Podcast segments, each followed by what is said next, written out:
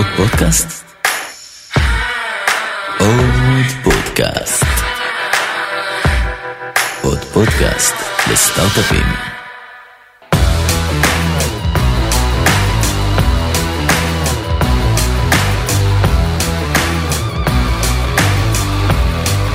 ברוכים הבאים מ-0 ל-1, עוד פודקאסט product שבו נדבר עם יזמיות ויזמים שבנו ובונים מוצרים שמשנים את העולם. נשמע על העליות, המורדות, הדרך והסודות של המוצרים והאנשים שמאחוריהם. אני דוד קלר, שותף מייסד ומנכ"ל סטודיו פריים ואיתי יאיר קיבייקו, מנהל השיווק שלנו. לפני שנתחיל, תודה רבה לחברים טומי וגיא מעוד פודקאסט לסטארט-אפים שנותנים לנו את הבמה. אה, היום אנחנו שמחים לארח את עומר קילף, אה, מנכ"ל ומייסד אינוויז. היי עומר. אהלן, מה נשמע? מעולה. אה, אז בוא נתחיל רק, אם תוכל לספר לנו בכמה מילים על עצמך. כן, בטח. אז אני עומר קילף, אני מנכ"ל ושותף באינוויז. התחלתי את הקריירה בצבא, כמו הרבה סטארט-אפיסטים. הייתי בכמה סטארט-אפים, היה לי חשוב קצת להרגיש את, ה, את החוויה הזאת, ב, לא בשורה הראשונה, אולי בשורה השנייה, קצת לראות איך הדברים קורים לפני שאני נכנס להרפתקה הזאת בעצמי. זהו, נשוי, שלושה ילדים, זהו, הכל טוב. מעולה. Uh, ספר לנו בכמה מילים על אינוביז ומה בעצם אתם עושים. בטח. אינוביז הוקמה בתחילת 2016, אנחנו מפתחים טכנולוגיות לרכבים אוטונומיים. כל מי שראה כל מיני רכבי הדגמה ופיתוח של רכבים אוטונומיים בדרך כלל רואה על הגג שלהם סנסורים שהם נראים כמו איזה חבית מסתובבת. החבית הזאת זה, נקרא ליידר, זה סוג של רדאר אופטי. החבית הזאת מסתובבת כי יש בה עשרות לייזרים שמסתובבים וסורקים את הסביבה ונותנת לרכב לראות את העולם אה, בתלת מימד. הדרך שזה עובד זה שבעצם לייזר יורה פולס של אור, סליחה, הוא פוגע באיזושהי מטרה ומוד, ומודד כמה זמן לוקח לאור אה, לטייל בין הסנסור למטרה וחזרה ולפי זה יודע איפה כל דבר נמצא בתלת מימד. אה, הסנסור הזה הוא עולה עשרות אלפי דולרים והוא מאוד גדול, מאוד לא אמין אה, ולמעשה גם הסנסורים שהיו קיימים לפני שלוש שנים או ארבע שנים כשאנחנו התחלנו היו גם מאוד רחוקים מלהיות מספיק טובים מבחינת הרזולוציה, הטווח וכן הלאה למה שצריך כדי שרכב ינהג בצורה אוטונומית אה, בצורה טובה.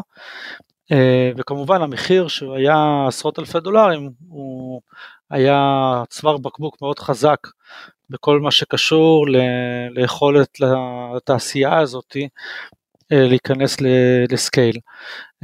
אינוביס מפתחת סנסור שנקרא ליידר שהוא מאוד מאוד קטן, הוא משמעותית הרבה יותר זול, רזולוציה יותר גבוהה וכן הלאה, אנחנו באמת מביאים איזשהו פתרון מאוד מהפכני אה, זה בא בהרבה מאוד טכנולוגיות שאנחנו מפתחים בתוך החברה בצורה עצמאית. אה, מעל כל זה, עוד אה, סוג של חדשנות שאנחנו מכניסים ו, ועובדים עליה זה בעצם כל מה שקשור לעיבוד המידע שנמצא מעל הסנסור, לא בנהיגה האוטונומית של הרכב אלא יותר בתרגום של המידע התלת-ממדי לאובייקטים אה, שאנחנו יודעים לזהות. מאוד דומה למה שמובילאיי עושים, רק שמובילאיי עושים את זה מעל מידע דו-ממדי של מצלמות, אה, שבעצם בוחנים את המידע שמגיע מהמצלמה ובסוף מפרשים לרכב איפה נמצא בן אדם, אה, רכב וכן הלאה. אז אנחנו עושים את זה רק כשאנחנו עושים את זה מעל התלת מימד, מתוך הבנה שהרבה חברות רכב לא באמת מחזיקים את היכולת של ניתוח המידע הכל כך מורכב הזה אה, בעצמם. זה, זה טכנולוגיה שבעצם מבוטאת באלגוריתמיקה של computer vision, רק שהיא במקום על דו-ממד היא מעל אה, תלת ממד. אה, אז זו הטכנולוגיה שהחברה מפתחת, ואנחנו מציעים את זה לחברות הרכב. יש לנו פרויקט מאוד גדול עם BMW, שאמורה להשיק את הרכב האוטונומי הראשון בייצור סדרתי כבר ב- לקראת סוף שנה הבאה. וואו. איך בעצם הגעתם לקונספט הזה? זאת אומרת, אה, מה במסלול המקצועי שלך ושל השותפים, אה, כי, כי זה רעיון שהוא נשמע על פניו די איזוטרי, איך פתאום, אתה יודע, זה מה שהחלטתם לעשות. אמ, אז האמת שמה שקרה זה בקריירה שלי עברתי בין, אה, הייתי בצבא, התעסקתי בכל מיני אה, טכנולוגיות שקשורות בעיקר לעולם התקשורת, אחרי זה הייתי בסטארט-אפ שהתעסק בכלל אה, בטכנולוגיה שקשורה ל... לזיכרון, לזיכרון ש... בעצם שיפור של רכיבי זיכרון ואלגוריתמיקה שמאפשרת דחיסת מידע יותר טובה, ממש בלי שום קשר למה שאנחנו עושים פה. בסטארט-אפ הבא שעבדתי בו התעסקנו בפיתוח של אה, מקרן, אה, מקרן מאוד מאוד קטן בגודל של חצי מחדד, שמבוסס על אה, טכנולוגיות של לייזרים ו... וטכנולוגיה שנקראת MEMS. MEMS זה בעצם טכנולוגיה של מיקרו-מכניקה, זה למעשה צ'יפ שמשמש בתור מראה מאוד מאוד קטנה, מראה בגודל של מילימטרים בודדים, שבמקרה ההוא זה ממש היה אפילו ממש מילימטר, ובעצם זה צ'יפ שאתה אה, מייצר אותו בתהליך שמאוד דומה לאיך שמייצרים צ'יפים אה, אלקטרונים, אה, מעבדים וכן הלאה, רק שהגישה של המם זה בעצם לחשוב על איך אתה מייצר מערכת מכנית ממוזערת בגודל של צ'יפ. ואם תחשוב על זה, זה בעצם פיתחנו מראה שהיא בגודל של אה, מילימטר, שהשליטה עליה היא אלקטרונית, ואז אם אתה זוכר במשחקי וידאו שהיינו אה, משחקים בלראות לייזרים על מראות שאפשר לשחק עם הזוויות שלהם, אז באותו אופן תחשוב שהמקרן אה, שאותו פיתחנו היה מבוסס על שלושה לייזרים, אדום, כחול וירוק, שבעצם כוונו למרכז מראה מאוד קטנה, שנשלטה בצורה מאוד מהירה, ובצורה הזאת היינו מקרינים תמונה על קיר. אה, וזה סוג של טכנולוגיה שהייתה נראית לי מרתקת, ומאוד אה, ניסיתי לחשוב על איזה יישומים נוספים אפשר לקחת את הטכנולוגיה הזאת קדימה, וזה היה ב-2012, אה, וניסיתי לחשוב על איך, איך לפתח מצלמה תלת מימד בגישה הזאת, על קונספט שהוא דומה למה שתיארתי קודם, שפשוט להשתמש במראה הזאת בשביל לסרוק את הסביבה. ולראות פולסים של אור ולמדוד את המרחק. הבעיה שהייתה לי באותה תקופה זה שהצלחתי להגיע לאיזשהו רעיון שהוא, שהוא היה בגודל של, אתה יודע, כמה סנטימטרים על כמה סנטימטרים. וזה 2012 הייתה בעיקר תקופה שכל מה שעניין אנשים זה לפתח טכנולוגיות לאייפון 3 הבא. אה, וכל מה שכל חברת חומרה ניסתה לעשות זה לפתח טכנולוגיה שתיכנס לאייפון הבא. ולא ראיתי כל כך איך הרעיון הזה יכול להיות רלוונטי לפלטפורמה הזאת, שמבחינתי הייתה פלטפורמה אולי היחידה הרלוונטית, כי למס... אה, אה, לא, אין שום פלטפורמה ב-2012 שהגיעה לייצור סדרתי מאוד גדול, שזה היה מספיק מעניין בשבילו לעשות את הטכנולוגיה הזאת. ב-2016, אה, כשהתחלתי לחשוב על עוד פעם לעשות, להרים סטארט-אפ בעצמי, הייתה לי, לי רשימה של איזה 20 ומשהו רעיונות ש... שאספתי במהלך הדרך, אחד מהם זה היה זה. אה, ופתאום ראיתי שיש התאמה מאוד יפה בין הטכנולוגיה לבין פלטפורמה מאוד מעניינת, חדשנית, אה, שנראית, שהיה נראה שהיא הולכת אה, לפרוץ ולהיות איזושהי מהפכה בתעשיית הרכב. וכמובן שסנסור שהוא כבר בגודל של כמה סנטימטרים על כמה סנטימטרים זה כבר לא מהווה איזשהו חסם כניסה מאוד משמעותי אה, מה שהיה כן נכון ב- לפלטפורמה של הפלאפונים. וזהו, ואז אה, ראיתי שיש פה פיט מאוד יפה בין אה, גם הניסיון המאוד אישי שלי עם הטכנולוגיה, גם עם תעשייה שבתחילת דרכה ובאמת מחפשת פתרון, פתרון לבעיה מאוד גדולה ומשמעותית. וזהו, ומשם החלטתי שזה מה שאני רוצה לעשות. עכשיו לפני, לפני שממש, לפני שהקמתם את, את החברה, גם עשית איזושהי תקופה ב SCiO. אמ, נכון. מה לקחת משם אל הסטארט-אפ? אז אה, ב SCiO, כן, זה היה סטארט-אפ שאחרי ש... אחרי, ש... אחרי, אחרי שהחברה שהייתי בה נמכרה, החברה שפיתחה את המקרן הוידאו, אה, אז הצטרפתי לסטארט-אפ של Consumer אה, Physics זה נקרא, SCiO זה היה המוצר. שם הייתה לי חוויה מאוד מעניינת שם, זה היה גם, גם טכנולוגיה מאוד ייחודית, אבל גם, ה, גם המוצר היה מאוד מורכב. זאת אומרת, גם ב, בהקשר של אה, הבנה של, אה, נקרא לזה הבנת הלקוח, זה היה התפקיד הראשון שלי בניהול של product. אני חושב שזה היה, אני ממליץ לכל מי שחושב להרים סטארט-אפ ממקום מאוד טכנולוגי, אני תמיד ממליץ לאנשים לבלות לפחות תפקיד אחד באיזשהו מקום בתפקיד של product, אני חושב שזה תפקיד שהוא מאוד מלמד, בהבנה של איך, איך הלקוח שלך מסתכל על העולם ולאו דווקא מהצד הטכנולוגי של מה מגניב לעשות או איזה בעיה כיף לפתור. Consumer Physics היה טכנולוגיה מאוד מאוד ייחודית, אני חושב שהאתגר שלה היה בהגדרת ה...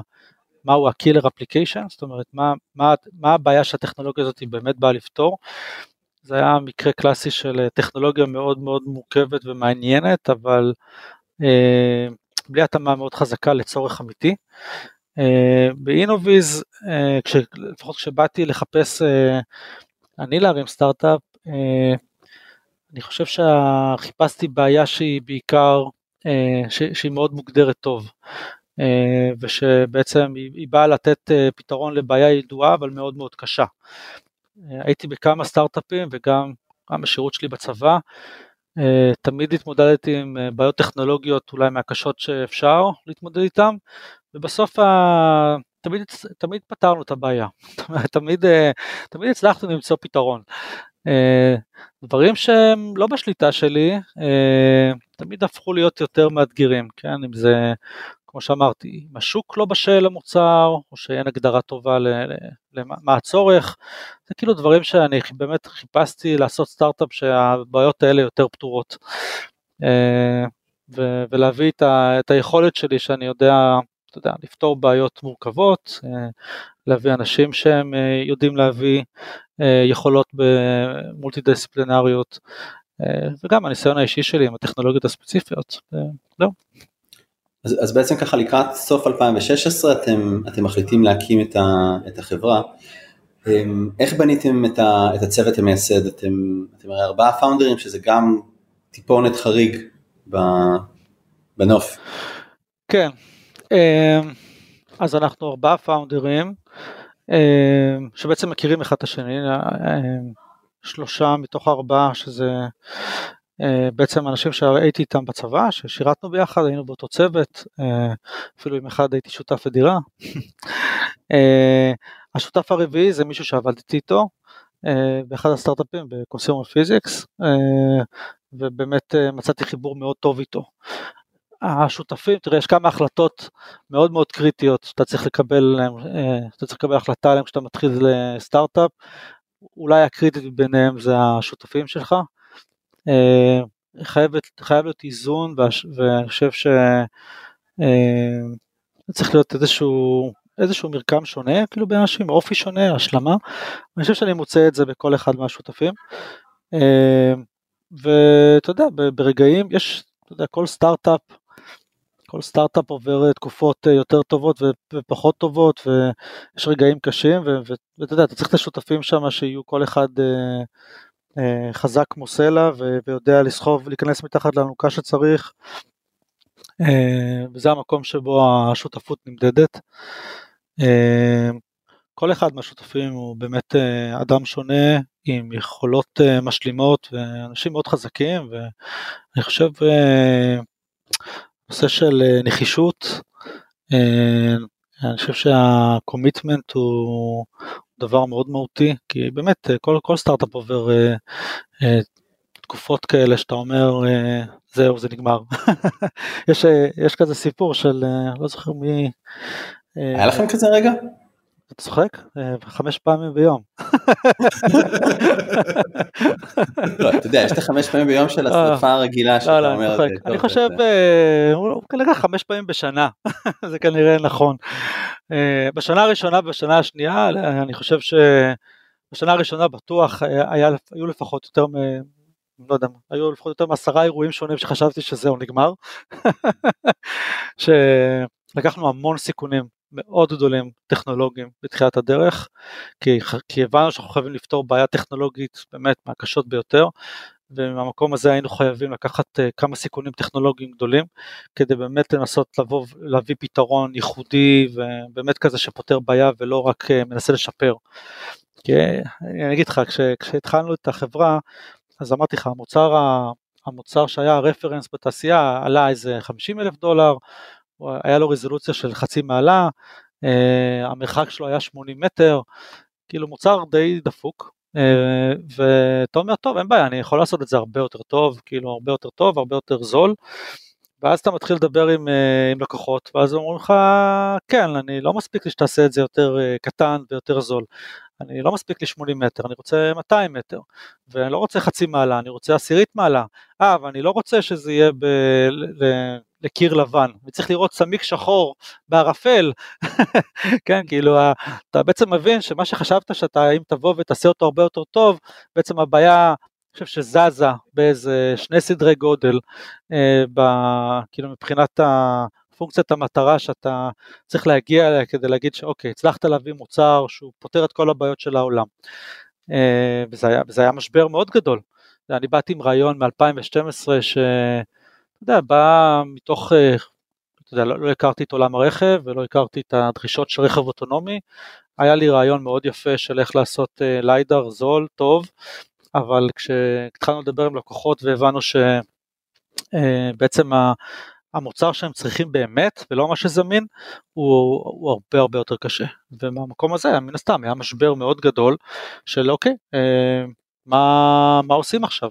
עכשיו מה שעשינו זה פשוט אה, אה, לקחנו שלושה חודשים, לקחנו, היינו צוות כבר של אה, 18 איש, כאילו גייס, היה כזה פרויקט אושן 11 כשהתחלנו את החברה, שבו התחלנו ללקט את האנשים הכי טובים שאנחנו מכירים בכל התחומים. הבאנו את המהנדס, אה, מהנדסת מכניקה הכי טובה שאנחנו מכירים, ומהנדס אלגוריתמי, ו-FPGA, ותוכנה, ואתה יודע, הבאנו צוות באמת מאוד, אה, מאוד אה, גדול ומאוד מורכב. וישבנו שלושה חודשים, הרבה, הרבה brainstorming של איך לנסות לפתור את הבעיה עכשיו אחרת. זה היה תקופה שהמהנדסים מאוד נהנו, זה היה סוג של לונה פארק של טכנולוגיות, שבחרנו כל מיני דרכים לפתור את הבעיה. אתה יודע, אני יכול להגיד לך שאני בתור המנכ"ל של החברה, אני כמעט ולא נשמתי, זה שלושה חודשים. אתה יודע, אם יש משהו שאתה רוצה לעשות זה להתחיל לרוץ ולפתח את המוצר שלך, ו... אבל הייתי חייב לתת את, ה... את הזמן הזה אה, לצוות, לארגן את המחשבה ולנסות ביחד לראות כאילו באמת מה הדרך שאליה אנחנו רוצים לצאת. ובאיזשהו שלב אני יכול להגיד לך שהגענו למסקנה ש... עם הטכנולוגיות אה, הזמינות ש, ש, שבעצם קיימות בעולם, אה, אי אפשר להגיע, אתה מגיע לקבוצה ריקה של פתרונות שבאמת יכולה להגיע למה שהתעשייה צריכה, זה, זה בלתי אפשרי. ואז הבנו שאנחנו צריכים להתחיל לחשוב אחרת, אמרנו, התחלתי להגיד לאנשים, תפסיקו אה, לפתח קונספטים שמבוססים על טכנולוגיות, על, על רכיבים קיימים, ועל טכנולוגיות קיימות, ובואו נתחיל לחשוב על איזה טכנולוגיות אנחנו צריכים לפתח כדי ש, שנוכל לבנות את הצ'יפסט שמאפשר לנו בסוף להגיע לפתרון הנדרש. זה, זה ייקח לנו יותר זמן, אבל בסוף נגיע לאן שאנחנו צריכים. יצאתי מתוך הנחה שבסוף הרכב האוטונומי לא יקרה בעוד שנה או שנתיים, אלא יש לנו תקופה של לפחות שלוש שנים בשביל להגיע למוצר שלנו. אה, ואני חושב שזו הייתה נקודת אה, באמת מפנה די גדולה, התחלנו לחשוב מחוץ לקופסה, התחלנו להסתכל על כל מיני טכנולוגיות מאוד מעניינות שאנחנו יכולים לפתח. אה, זה היה כאילו, זה היה, זה היה ממש כיף, כאילו פה התחלתי ליהנות, כי בעצם הבנו שהיכולות של האנשים בתוך הצוות אה, להביא טכנולוגיות אה, בסיס ברמה היותר פיזיקלית שלהם מאפשרת לנו לעשות דברים הרבה יותר מעניינים. והגענו לקונספט שאנחנו מאמינים בו, הבנו שמתוך הקונספט הזה אנחנו צריכים לפתח שלוש טכנולוגיות שונות במקביל, שזה בעצם שלושה צ'יפים שכל אחד מהם יש לו תפקיד שונה, אבל הוא גם ממש אה, תפקיד אה, פונקציונלי שונה וגם יש לו בסיס פיזיקלי אחר. אה, ובנינו קבוצות שמפתחות כל אחד מה, מהצ'יפים האלה. Uh, עשינו כמובן איזשהו uh, proof of concept uh, מבוסס על דברים שהם רחוקים כאילו ממה שאנחנו רוצים להשיג אבל לפחות שאנחנו לוודא שה, המתמטיקה וה, והארכיטקטורה שלנו היא, אנחנו מבינים את, את ה, מה שנקרא את, ה, את המאזן לקוחות בין הדברים, ו, וברגע שראינו שזה עובד אז uh, למעשה זה היה השלב שיצאנו גם מסטלס, כאילו שבעצם הוצאנו PR ואמרנו אוקיי אינוויז זה המוצר שאנחנו עושים, זה מה שהוא ידע לעשות, uh, ו, ואז התחיל להיות uh, תהליך שבו באמת יצאנו לפיתוח, זאת אומרת השלוש קבוצות האלה כל אחת uh, מהם uh, פיתחה את הצ'יפ שלה, אבל מסביב לזה פיתחנו כבר גם את האופטיקה ואת המכניקה ואת האלקטרוניקה, ומעל זה התחלנו לבנות גם את ה-computer vision, מתוך הבנה שייקח לנו זמן לפתח את הסנסור, אבל לפחות שנבנה את הבסיס ואת הידע של איך להתמודד עם, ה, עם המידע הזה כשהסנסור יהיה זמין. Uh, ואז התחיל להיות engagement עם כל מיני לקוחות, שזה היה כזה תקופה שחברות הרכב באמת חיפשו פתרון אה, לבעיה, לבעיה שאנחנו באים לפתור, ו-BMW, אה, אני רוצה להיזכר איך בדיוק הגענו אליהם, אבל זה, זה היה תקופה שבאמת יכלת להגיע למהנדסים בחברות רכב. היום אני מניח שחברות הרכב עטופות בכל מיני מעגלי סקאוטרים, כל מיני חומות ציניות כאלה ש... אני חושב שבטוח שיותר קשה היום להגיע באמת למהנדסים אה, בתוך חברות רכב.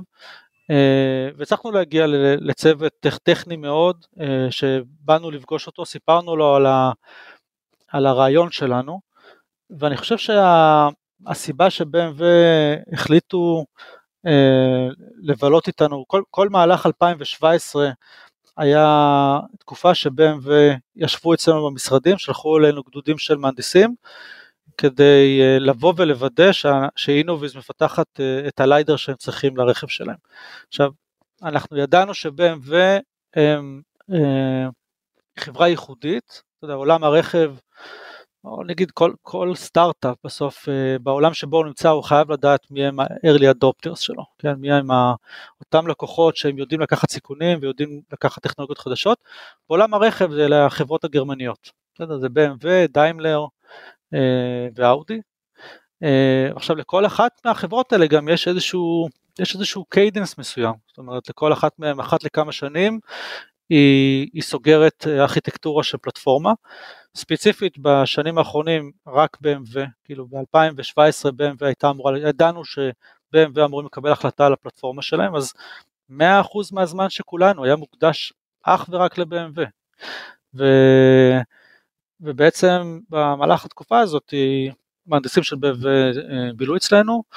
אני חושב שהסיבה שהם החליטו לבחור באינוויז, חברה שהייתה אז רק בת אה, שנה וחצי, בלי מוצר ביד, רוב הטכנולוגיה עדיין בתהליך פיתוח, אה, הסיבה שהם בחרו בנו כבר לתוך תהליך הייצור הסדרתי שלהם, שזה סיכון מאוד גדול, נבע מתוך זה שהם פשוט האמינו, הם נראה לי מאוד האמינו באסטרטגיה שלנו. כאילו, באסטרטגיה שבה בחרנו, כי, כי באמת ניסינו לפתח טכנולוגיה שאומנם מאוד קשה לפתח אותה, אבל אם נצליח לפתח אותה, אז נביא באמת פתרון מאוד, אה, מאוד אה, גדול, בסדר? עם פער מאוד גדול למה שאחרים נותנים, אבל באמת פתרון שהוא גם זול וגם טוב וכן הלאה.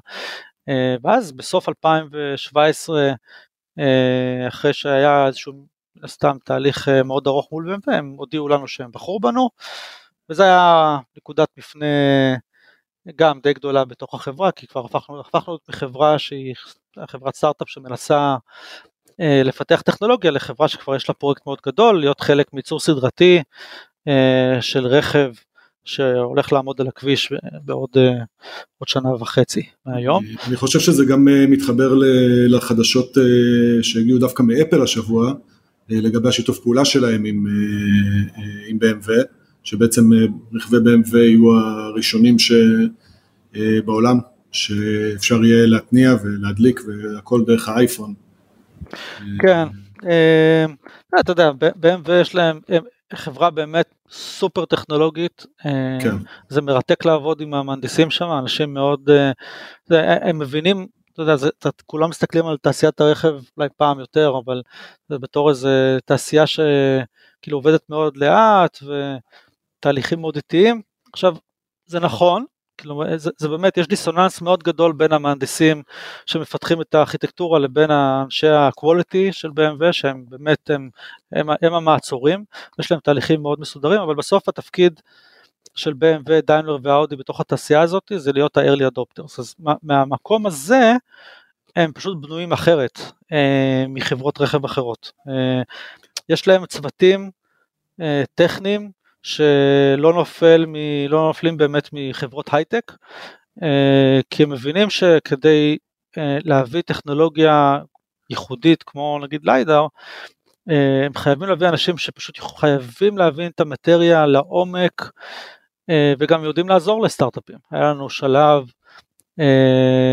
בתחילת שנה שעברה, בתחילת 2019, היה לנו עיכוב בצ'יפ, באחד הצ'יפים, צ'יפ ה-ASIC זה צ'יפ שהוא באמת צ'יפ מורכב עם עשרות מעבדים בפנים, זה צ'יפ מפלצתי, 16 ננומטר, צ'יפ אה, באמת אה, ענק גם. אה, עכשיו הסיבה שהוא היה עיכוב כי החלטנו שאנחנו רוצים להכניס עוד functional לתוך הצ'יפ והיינו צריכים לדחות את ה tape-out באיזה שלושה חודשים וזה מן הסתם היינו צריכים לעדכן את BMW שיש לנו עיכוב של שלושה חודשים זה היה תקופה מאוד לא כיפית ו-BMW פשוט התחילו לשלוח לנו כל מיני מומחים שיש להם אה, מעולם ה-ASICים וזה פשוט היה די מטורף לראות אה, מהנדסים, הם יושבים בתוך, בתוך דיונים, באמת מביאים value. אתה שואל אותם, תגידו, מה, כאילו, מה, מה אתם עושים ב-BMW? כאילו, אני מבין שאתם, כאילו, יש לכם יכולות uh, פיתוח צ'יפים, כאילו, מה אתם עושים בתוך BMW? והם אומרים לך, זה, מה זאת אומרת, זה התפקיד שלנו, התפקיד שלנו זה לעבוד עם סטארט-אפים, שאנחנו משתמשים בטכנולוגיות שלהם והתפקיד שלנו זה באמת לעזור לסטארט-אפים אה, להגיע לאוטומוטיב קואליטי שאנחנו צריכים. וזה לכל אורך השדרה של ה...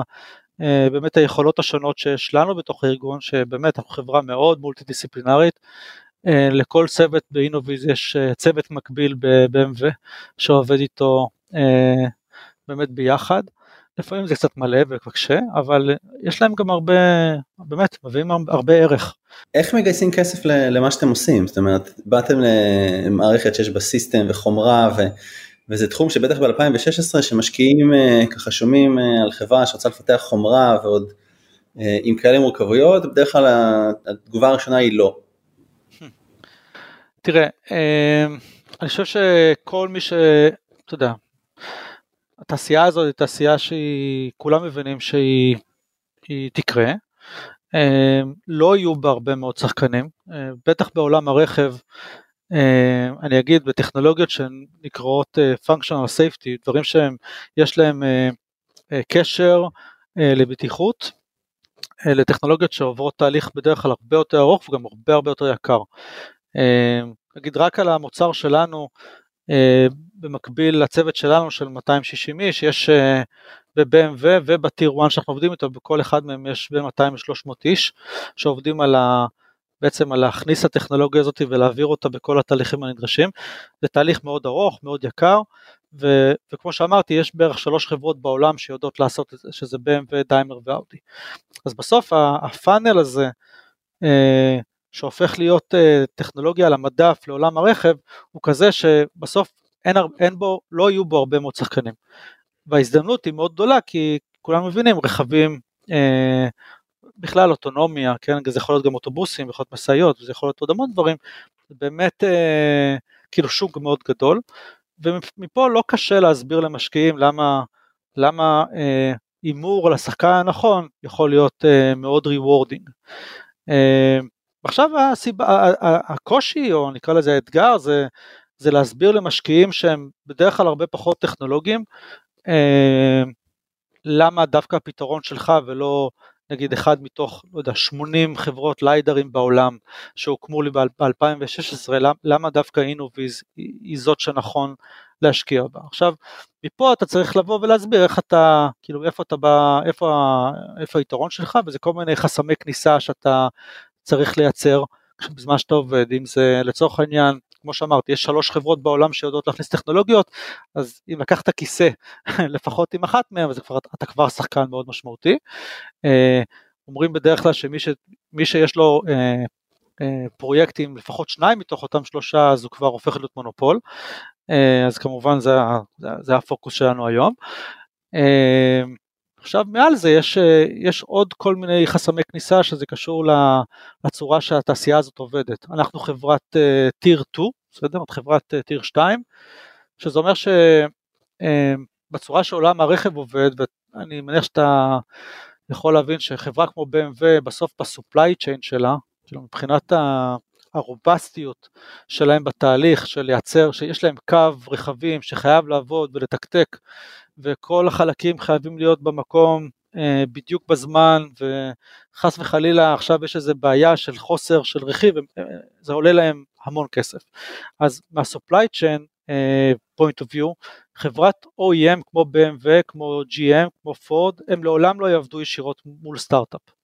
מבחינת ה-supply management שלהם. ולכן הם בדרך כלל כשהם עושים מכרזים לרכבים הם תמיד פונים דרך uh, חברות שנקראות Tier 1.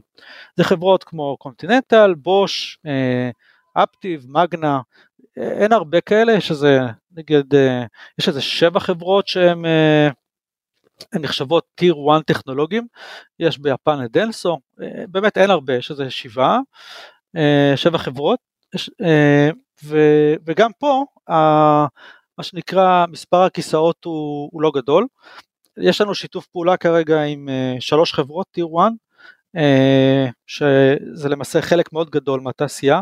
שאר החברות הטיר 1 שאנחנו לא בשיתוף פעולה איתן זה בגלל שהן מנסות לקדם טכנולוגיה uh, שלהם ולכן זה גם מונע כניסה של סטארט-אפים אחרים בלהתמודד איתנו על מכרזים ואני לא כל כך רואה את הטכנולוגיות של הטיר 1 האחרים כקומפטיבל כאילו עם מה שאנחנו עושים. אז זה גם חסם כניסה מאוד גדול. מעבר לזה יש את ה...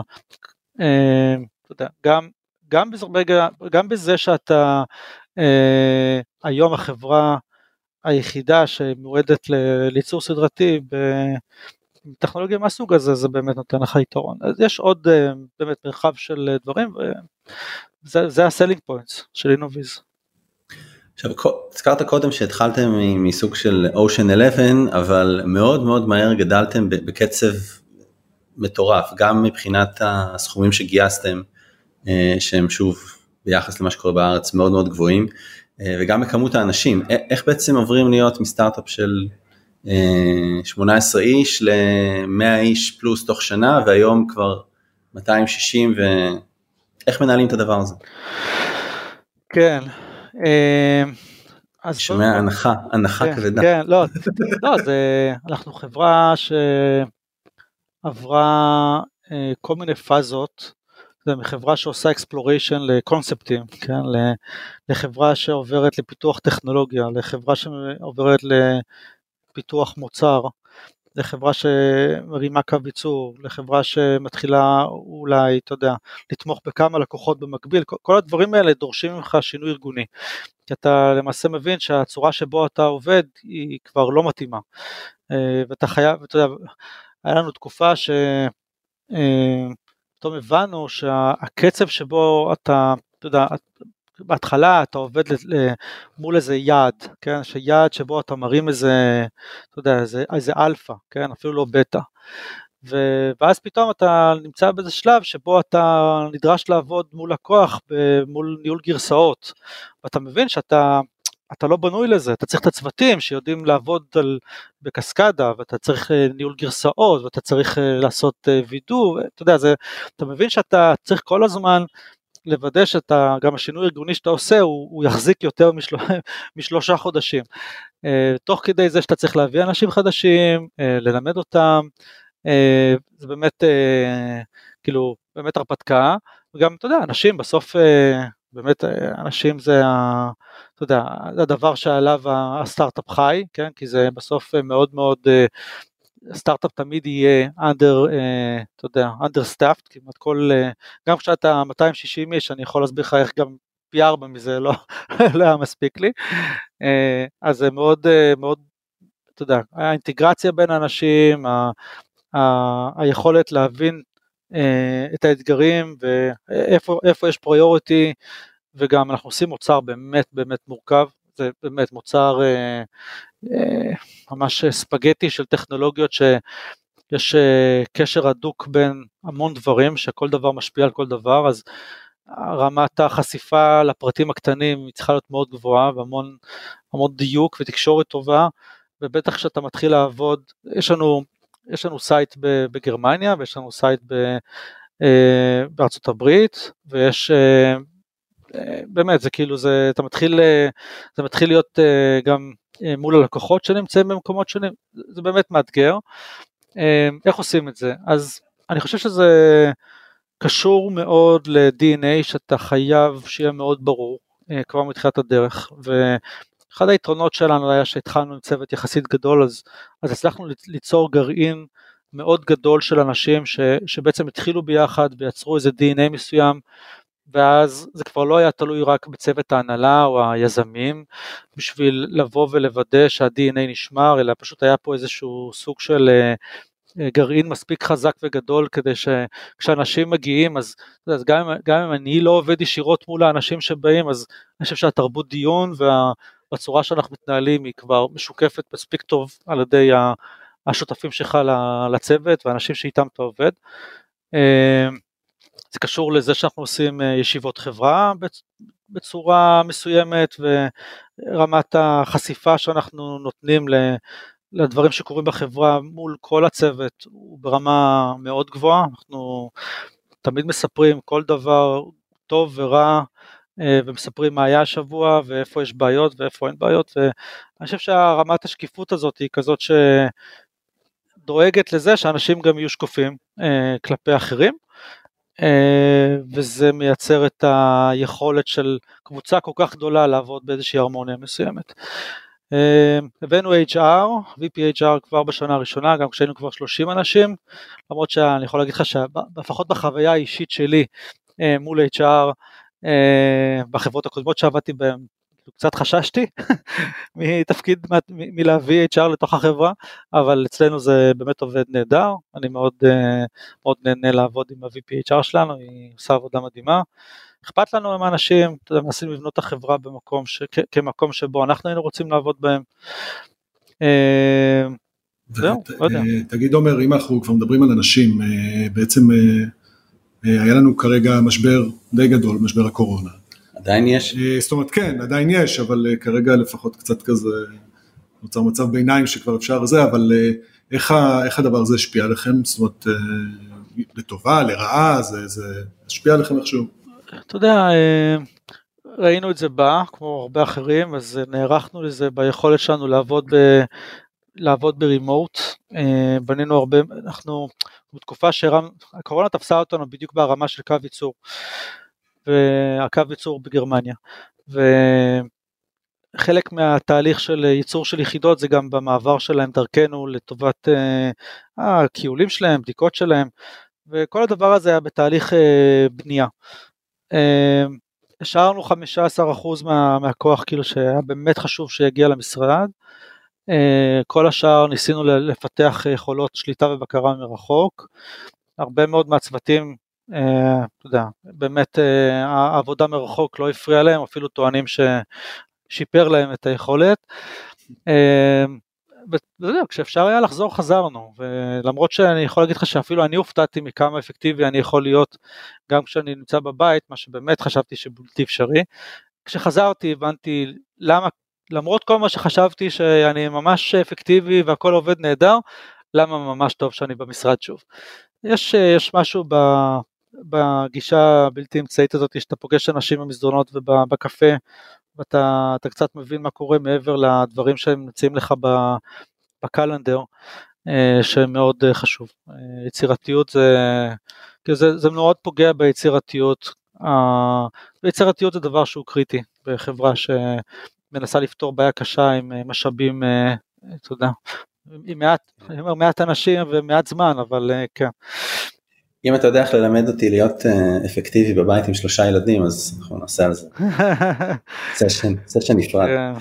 כן. Um, היום ככה כשאתם כבר uh, בוא נגיד uh, היום 2020 הקמתם את החברה לפני קצת יותר מארבע שנים.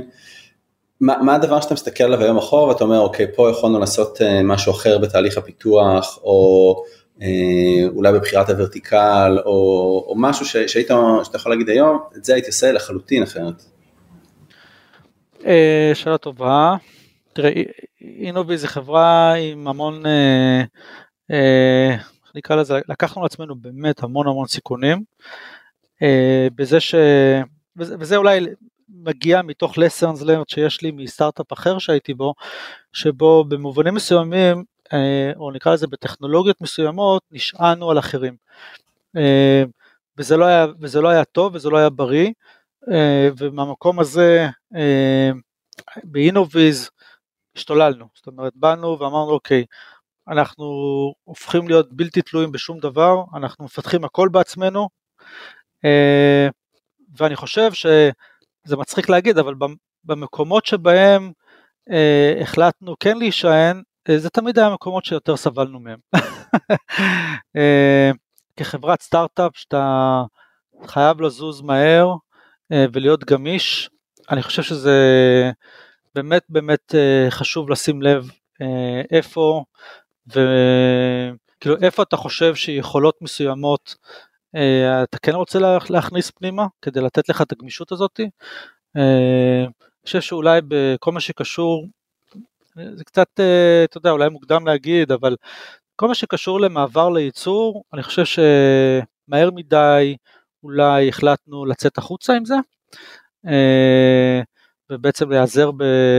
כאילו ביכולות, בשחקן שני בשביל לייצר את המוצר, אני חושב שזה היה מוקדם מדי, אני חושב שכן היה נכון שהיינו מתנסים טיפה בתהליך הזה של ייצור, גם אם זה מעט אנשים וגם אם זה היה מעכב טיפה את, ה, את הקצב, אה, כדי להבין טיפה יותר טוב את המוצר ולחשוב על השיקולים שיוכלו לעזור לנו אחרי זה כן להגיע לייצור סדרתי אה, מהר יותר. אה, אבל שוב, זה בגלל שאני באופן כללי תמיד מאמין ש... כאילו כל דבר שאנחנו היינו עושים, היינו יכולים לעשות את זה יותר מהר, יותר מדויק, יותר זול, אה, לא יודע, זה, זה כאילו הדבר שאולי טיפה אני מצטער עליו. ואיפה אנחנו נראה אתכם ככה עוד 3-4 שנים לדעתך? לאן אתם מכוונים? תראה, אנחנו עכשיו מוציאים את המוצר השני שלנו, אה, שהוא מוצר שהוא, אני באמת מאמין שהוא יהיה מדהים, כאילו באמת זה מוצר באמת מיוחד. אה, אני חושב ש... כאילו זה מוצר שאני בונה עליו בתור אה, מוצר שייטמע בתוך השוק, הוא כזה שאני מאמין שיהיה לו הרבה עניין ואנחנו נגדיל את הייצור שלנו בו, אנחנו נצטרך כאילו כנראה להגדיל את הייצור. אה, ועכשיו אנחנו מסתכלים על אה, דור שני, דור שלישי, אולי קונספטים טיפה שונים. יש, כאילו אנחנו כנראה נגדיל את, את פורטפוליו של המוצרים שלנו, שוב על אבני יסוד שפיתחנו, אולי חלק אנחנו, יש עוד טכנולוגיות שאנחנו נרצה לפתח, אבל uh, כבר מהטכנולוגיות שפיתחנו שכרגע משרתים מוצר אחד, אני, כאילו אנחנו כן כבר רואים איך הדבר הזה יכול לבוא לידי ביטוי במוצרים שהם טיפה, uh, הייתי אומר בנויים אחרת. Uh, ו... גם בעולמות ה automotive?